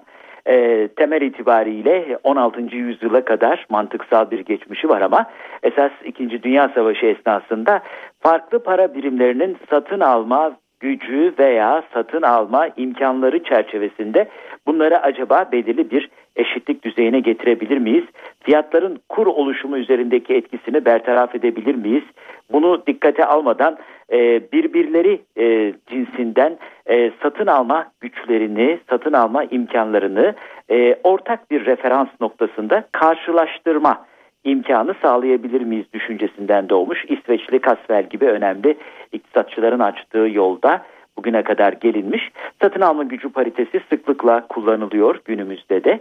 İşte ülkelerin satın alma gücü sıralaması da bu çerçevede ortaya koyuluyor. E, IMF, Uluslararası Para Fonu geçenlerde bu konudaki çalışmalarını güncelledi ve bu çerçevede aralarında Türkiye'nin de bulunduğu dünya ülkelerinin satın alma gücü paritesine göre e, 2024'te e, ne gibi bir e, performans göstereceklerine dair kestirimler öne kondu. Buna göre e, 2024 e, yılında birinci sırada Çin bulunacak. Neredeyse 33 trilyon dolarlık bir satın alma gücü paritesine göre en büyük ekonomi Çin olacak. Onu Amerika Birleşik Devletleri yaklaşık 27 trilyon dolarlık bir hacimle takip edecek. Üçüncü sırada Hindistan. E, burada bir parça hemen cesamette, irilikte e, zecri yani önemli küçülmeler görülüyor. E, Amerika Birleşik Devletleri 27 trilyon dolarken Hindistan 13 trilyon dolarlık bir büyüklüğe erişeceği öngörülüyor. Aynı mantık devam ediyor. Japonya yarısı kadar bir kayıpla e, 6,5 trilyon dolarlık bir satın alma gücü paritesi esasında veya temelinde hesaplanmış bir büyüklükle 2024'ü tamamlayacak deniliyor. E, Japonya'yı hemen Almanya takip ediyor. E, 5,5 trilyon dolar. Sonra Rusya 5 trilyon dolar. Endonezya 4,3 trilyon dolar. Brezilya 8. sırada 4 trilyon dolar. İngiltere 3.87, Fransa 3.86 ile 9 ve 10. sıralarda. 11. sırada da 3.8 trilyon dolarla Türkiye yer alıyor. Türkiye'yi de hemen Meksika, İtalya, Güney Kore ve İspanya e, te, takip ediyor. Dolayısıyla satın alma gücü paritesine göre e, 2024 sonu itibariyle dünyanın en büyük 15 ekonomisi arasında IMF kestirimlerine göre Türkiye'de yer alıyor ve 11. sırayla bu seneyi tamamlaması bekleniliyor. IMF ülke, e, ülkelerin 2000-2020 yılları arasında oransal olarak gayri safi yurt içi büyü, hasıla büyüme hesaplarına da yer vermiş. Bu raporda Türkiye'nin gayri safi yurt içi büyümesi 20 yılda yüzde 250 oranında gerçekleşmiş. Ama 2000 ila 2020 yılları arasındaki gayri safi yurt içi hasılası büyümesinde Çin gene birinciliği kimseye kaptırmıyor. E, bu 20 yılda Çin tam yüzde 1266 oranında büyümüş. Yani 12 kattan fazla bir büyüme kaydetmiş. İkinci sırada Rusya var yüzde 466. Üçüncü sırada Hindistan var yüzde 440. E, Türkiye burada altıncı sırada yer alıyor yüzde 250'lik bir büyüme ile. Japonya'nın bir zamanların harika ve mucize çocuğu Japonya'nın yüzde altı ile en son sırada yer aldığını da söyleyelim. Dolayısıyla büyüme, ekonomik büyüme, büyümeyi becerebilme, kompozit bileşik bir performans ölçütü, tabii satın alma gücü paritesi özellikle kur ve enflasyon fiyatlarını da gündeme getiriyor ve bu çerçevede daha gerçekçi bir tabloyu ortaya koymaya çalışıyor. E, nitekim Türkiye enflasyon belasıyla uğraştığı için Türkiye'nin satın alma gücü paritesine göre kişi başına gayri safi yurt içi hasıla endeksi 2022 yılı için son hesaplanan unsur için 67 yani 100 üzerinden 67 AB ortalamasının %33 altında kaldığını da hemen söylemiş olalım. E, o bakımdan söz konusu e, e, Avrupa Birliği OECD ülkeleri arasında 36 ülke arasında biz 24. sıradayız. Bu genel bilgi paylaşımı ve değerlendirme çerçevesinde değerli dinleyenlerimize katma değeri yüksek ve yüksek katma değerli bir gün ve esenliklerle dolu bir hafta sonu diliyor. Huzurlarınızdan hürmetlerle ayrılıyorum. Profesör Murat Ferman'la evdeki hesap sona erdi. Kaçırdığınız bölümleri www.ntvradio.com.tr adresinden dinleyebilirsiniz. Dünya markası Bras çatı sistemleri finans bültenini sunar.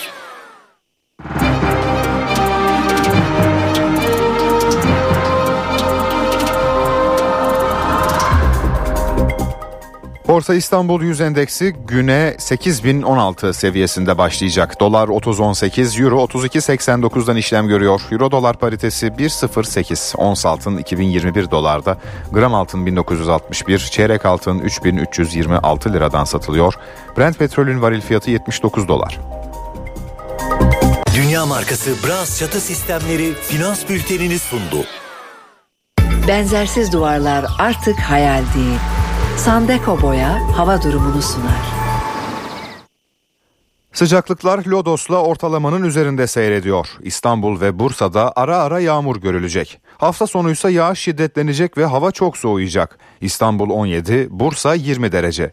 Ankara yağmurlu 13, İzmir rüzgarlı ve yağmurlu 20 derece. Antalya'da yağış var, sıcaklık 19 derece. Eşsiz boya, eşsiz mekanlar. Sandeko Boya hava durumunu sundu.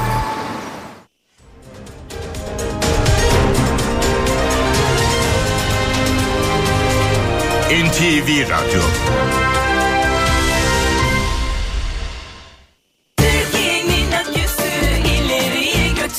Yiğit Akü yol durumunu sunar.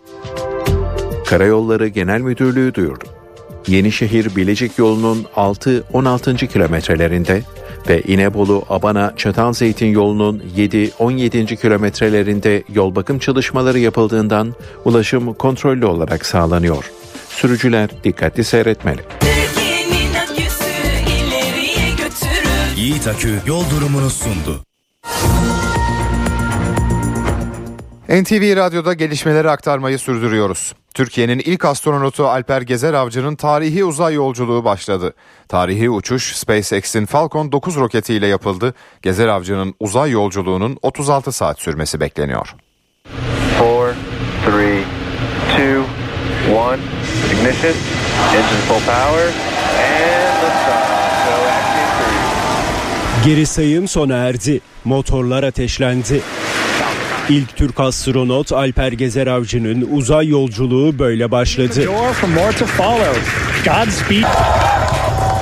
Tarihi fırlatma Amerikan Ulusal Havacılık ve Uzay Dairesi NASA'nın Florida'daki Kennedy Uzay Merkezi'nden gece 00.49'da yapıldı. Engine full power, and liftoff.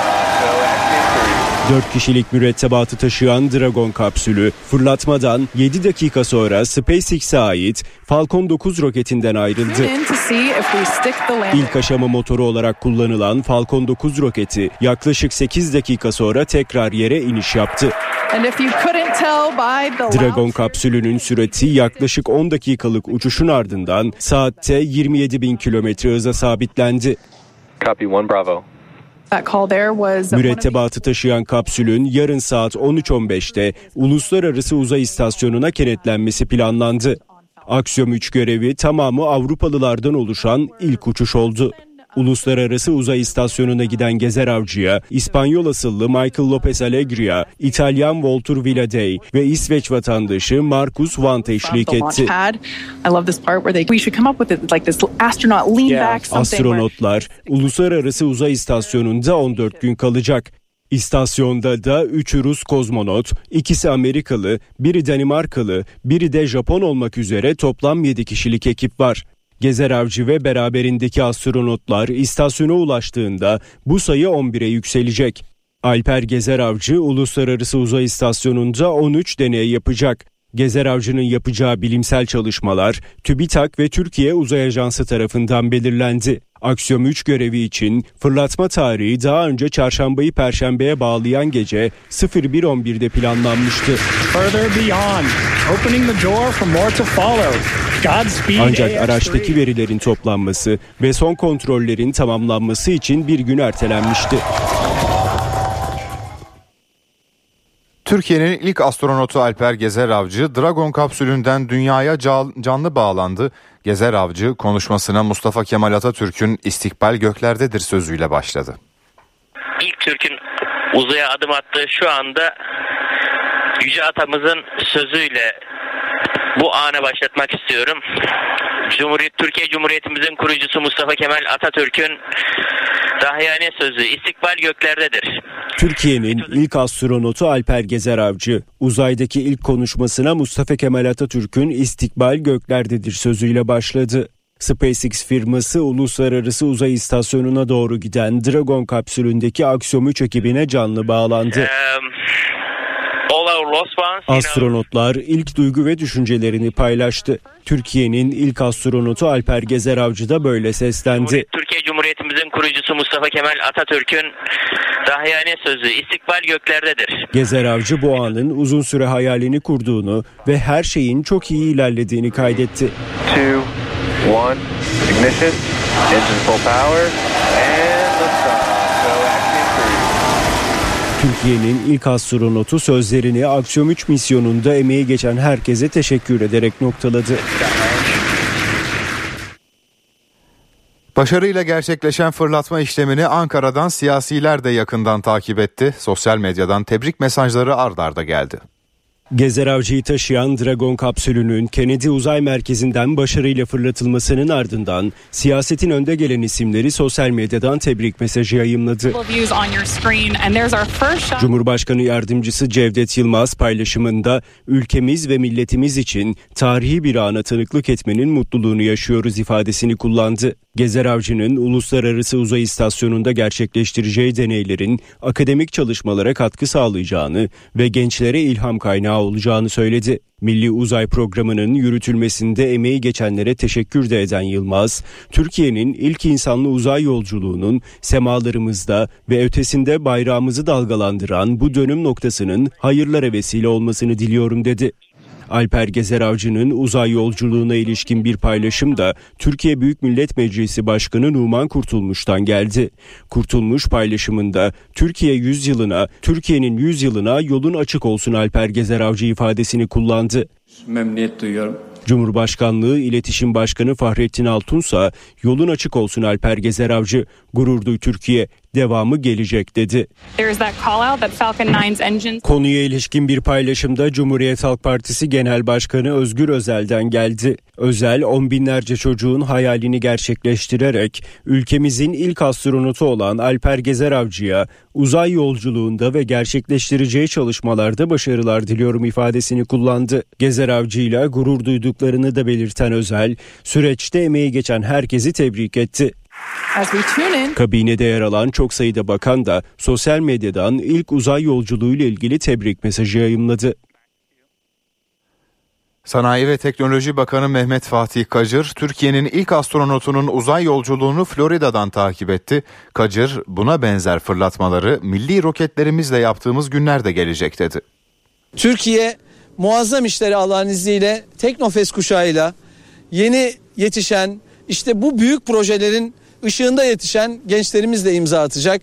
Muazzam bir toplumsal seferberlik var Türkiye'de. Muazzam bir dip dalga var. Bu o dip dalganın üzerinde yükselen projelerden sadece biri aslında.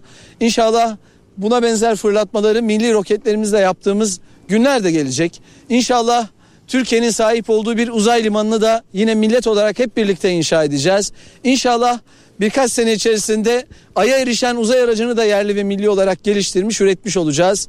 SpaceX yetkilileri, Axiom yetkilileri Türk bilim insanlarının hazırladığı bilimsel deneylerin ne kadar kritik olduklarını ve aslında bu misyonun en ilginç e, sonuçları en yakından takip edilecek deneylerin bizim bilim insanlarımızın hazırladığı deneyler olduklarını ifade ettiler, anlattılar. NTV Radyo Milyonlarca emekliyi ilgilendiren düzenlemede önemli bir gelişme yaşandı. En düşük emekli aylığını 10 bin liraya yükseltecek madde mecliste görüşülen torba kanun teklifine eklendi. O teklif Meclis Plan ve Bütçe Komisyonu'nda kabul edildi. İşçi ve Bağkur emeklilerine ek %5 zam yapılacak. Zam oranı %42,6'ya yükselecek. En düşük emekli aylığı da 10 bin lira olacak. Milyonlarca emeklinin beklediği düzenlemede ilk aşama tamamlandı. Bu düzenlemelerin eklendiği torba kanun teklifi Meclis Plan Bütçe Komisyonu'nda kabul edildi. Kanun teklifinin gelecek hafta Meclis Genel Kurulu'nda görüşülmesi bekleniyor. Ek zam ve farkların ödeneceği tarihlerse kanun resmi gazetede yayınlandıktan sonra belirlenecek. Komisyonda kabul edilen teklifle ayrıca işverene asgari ücret desteği 500 liradan 700 liraya çıkarılacak. Teklife göre kısa çalışma gerekçelerine genel salgın durumu da eklenecek. Sigortalının kısa çalışma ödeneğinden yararlanabilmesi için gereken asgari prim gün ödeme sayısı 600'den 450'ye indirilecek. Komisyonda torba kanun teklifine ilişkin etki analizi de ele alındı. Düzenlemenin yasalaşması halinde bu yıl Ocak-Aralık döneminde sigortalı başına günlük 23,33 lira, aylık 700 lira olarak işveren desteği verilecek. Bu durumda asgari ücret desteğinin yıllık maliyetinin yaklaşık 56,5 milyar lira olarak gerçekleşmesi öngörülüyor. Kısa çalışma ödeneği düzenlemesinin maliyetinin ise bu yıl için 5,8 milyon liraya ulaşması tahmin ediliyor. Yerel seçim gündemine geçelim. Cumhurbaşkanı Recep Tayyip Erdoğan partisinin 17'si büyükşehir 48 belediye başkan adayını açıkladı. Ankara'da Turgut Altınok, İzmir'de AK Parti Genel Başkan Yardımcısı Hamza Dağ aday gösterildi. Ankara Büyükşehir Belediye Başkan adayımız Turgut Altınok. İzmir Hamza Dağ. İzmir'de de inşallah Hamza Bey'le bu yola devam ediyoruz. AK Parti 7 Ocak'ta İstanbul'da düzenlenen ilk programda 26 ilin belediye başkan adaylarını tanıtmıştı. Ankara'daki ikinci aday tanıtım toplantısında Cumhurbaşkanı Recep Tayyip Erdoğan 17 büyükşehir ve 31 ilin adayını daha açıkladı. AK Parti kalan 7 ilde Manisa, Mersin, Bartın, Erzincan, Kars, Kırklareli ve Osmaniye'de MHP'nin adaylarını destekleyecek. Aynı azim, şevk ve samimiyetle çalışacağız. Cumhur İttifakı'nda ayrım asla olmayacak. AK Parti'nin Ankara adayı Turgut Altınok mevcutta Türkiye'nin en büyük ilçelerinden biri olan Keçiören'in belediye başkanı olarak görev yapıyor. Canım başkentim Ankara Turgut Altınok 1962 yılında Ankara'nın Bala ilçesinde doğdu. Yüksek öğrenimini uluslararası hukuk alanında yaptı. Altınok evli ve dört çocuk babası. Ankara'mızın makus talihinin değişme zamanı gelmiştir artık. Büyükşehir Belediyesi'nde çalışan işçi ve personel kardeşlerime sesleniyorum. Hiç kimsenin ekmeğiyle, rızkıyla oynamayacağız. Adaylığının ardından MHP Genel Başkanı Devlet Bahçeli Altınok'u arayarak tebrik etti. İzmir adayı Hamza Dağsa 1980 Manisa doğumlu. Lisans eğitimini 9 Eylül Üniversitesi Hukuk Fakültesi'nde tamamladı. 2011 seçimleriyle 24. dönem İzmir milletvekiline seçilen Dağ, 25, 26 ve 27. dönemlerde tekrar İzmir milletvekili seçilerek mecliste görev aldı. 2014 yılından itibaren AK Parti Merkez Karar Yönetim Kurulu üyesi. Hamza Dağ 24 Mart 2021 tarihinden bu yana tanıtım ve medyadan sorumlu genel başkan yardımcılığı görevini yürütüyor. AK Parti cumartesi günü İstanbul'un ilçe adaylarını açıklayacak. Seçim beyannamesi ise 30 Ocak'ta kamuoyuyla paylaşılacak. Aday tanıtım toplantısında Ankara ve İzmir'in yanı sıra 46 belediye başkan adayı daha açıklandı. İsim isim paylaşalım. Antalya Büyükşehir Belediye Başkan adayımız Hakan Tütüncü. AK Parti 17'si büyükşehir, 31'i il, 48 belediye başkan adayını daha açıkladı. İkimizin göz bebeği Konya. Açıklanan isimler arasında iki kadın aday var. AK Parti Gaziantep'te mevcut başkan Fatma Şahin'i, Iğdır'da ise Ülkü Öcalı aday gösterdi. Hedefimiz AK Parti ve Cumhur İttifakı'nda olan belediyeleri tekrar ezici oranlarla kazanma yanında muhalefetin elindeki şehirlerimizi gerçek belediyecilikle tanıştırmaktır. Mevcut başkanlardan 17'si ise yeniden AK Parti'nin adayı oldu. 8'i ise aday gösterilmedi.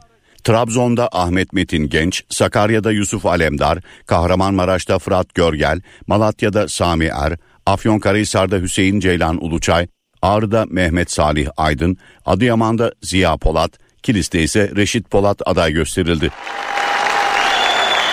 Seçim sandıktan önce sahada kazanılır.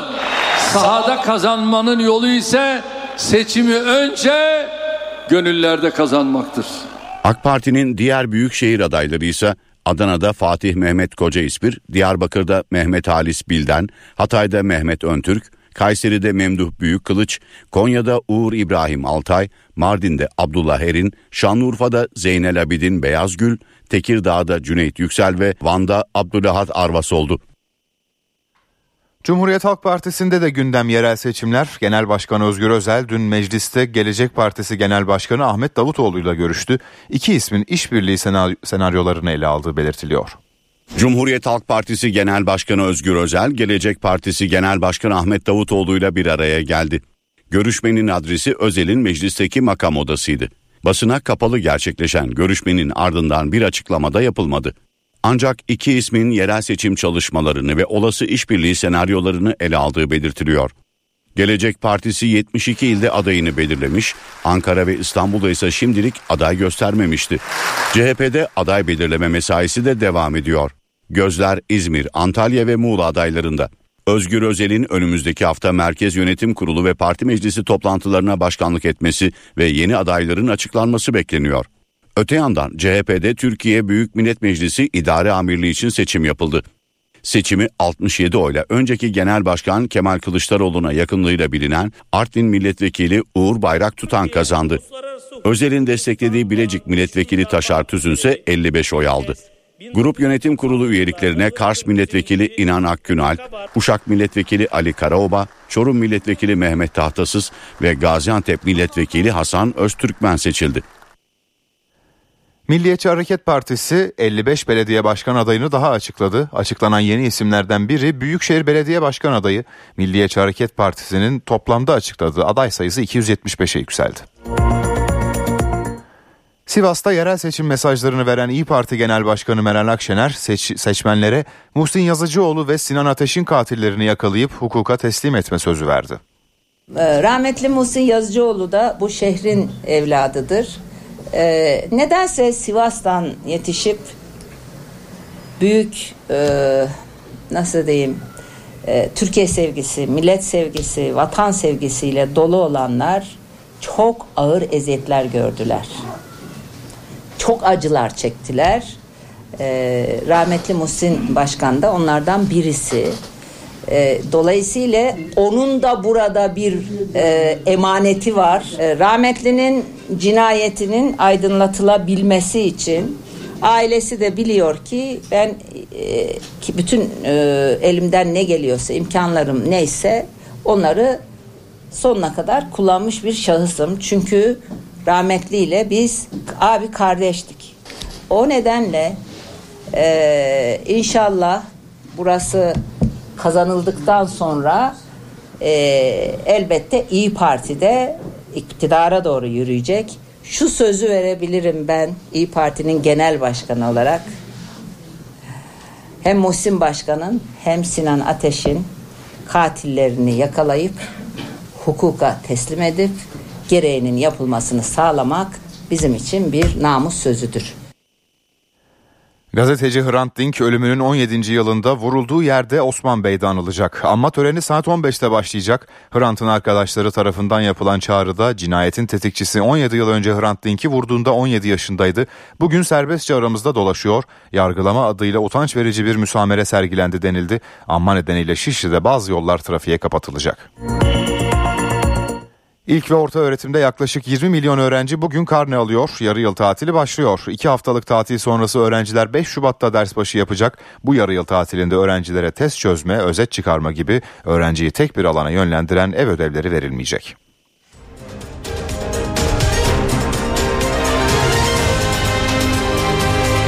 NTV Radyo HDI Sigorta İstanbul'un yol durumunu sunar. İstanbul'da trafik yoğunluğu %54 seviyelerinde Bayrampaşa Vatan yönü sağ şeritte araç arızası var. Bir şerit trafiğe kapalı bölgede yoğun trafik yaşanıyor. Her iki köprü içinde Anadolu yakasından geçişlerdeki yoğunluk bu dakikalarda kilometrelerce uzamış görünüyor. Yolda olanlara güvenli yolculuklar. HDI Sigorta İstanbul'un yol durumunu sundu. Sigorta